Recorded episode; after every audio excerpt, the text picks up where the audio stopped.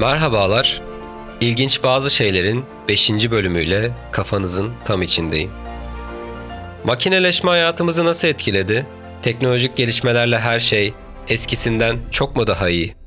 Biraz bu konuları irdeleyeceğimiz bir efsanenin hikayesinden bahsedeceğim.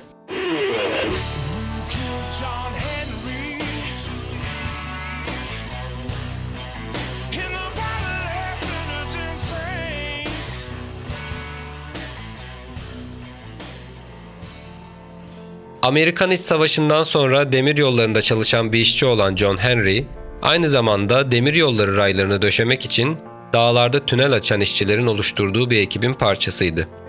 Fakat Henry hiç de sıradan bir emekçi değildi. Ondan daha hızlı kayaları delen ve dağlarda tünel açan hiç kimse yoktu. Onun bu olağanüstü yeteneği onu kısa zamanda bir efsaneye dönüştürdü. Bir gün işçilerin kampına bir satıcı gelir. Yanında buharla çalışan bir delgi vardır. Yanında getirdiği bu makinenin John Henry'den daha iyi olduğunu, herhangi bir kayayı John Henry'den daha hızlı kazabileceğini iddia eder. Satıcı işverene bu makinenin zamanla işçilerin yerini alacağı ve maaş yükünden kurtulabileceğini söyler. İsterseniz bahse girebiliriz der. Henry ve arkadaşları bahsi kabul ederler ve yarışma başlar. Sağda buharlı delgi, solda John Henry büyük bir kayayı delmeye başlar. İlk başta makine iyi gider fakat bir süre sonra Henry yetişir ve yarış bitmeden hemen önce buharlı delgiyi geride bırakarak kayanın diğer tarafından ilk çıkan o olur. İşçi arkadaşları gururla ve sevinçle alkışlamaya başlar. Fakat bu insanüstü çabadan yorgun düşen John Henry fenalaşır, sonra da hayatını kaybeder.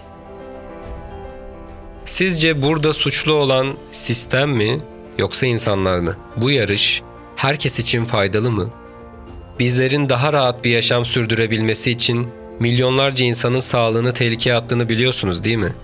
Daha renkli bir kıyafet giyebilmemiz için kaç işçi hastalanarak yaşamını yitiriyor?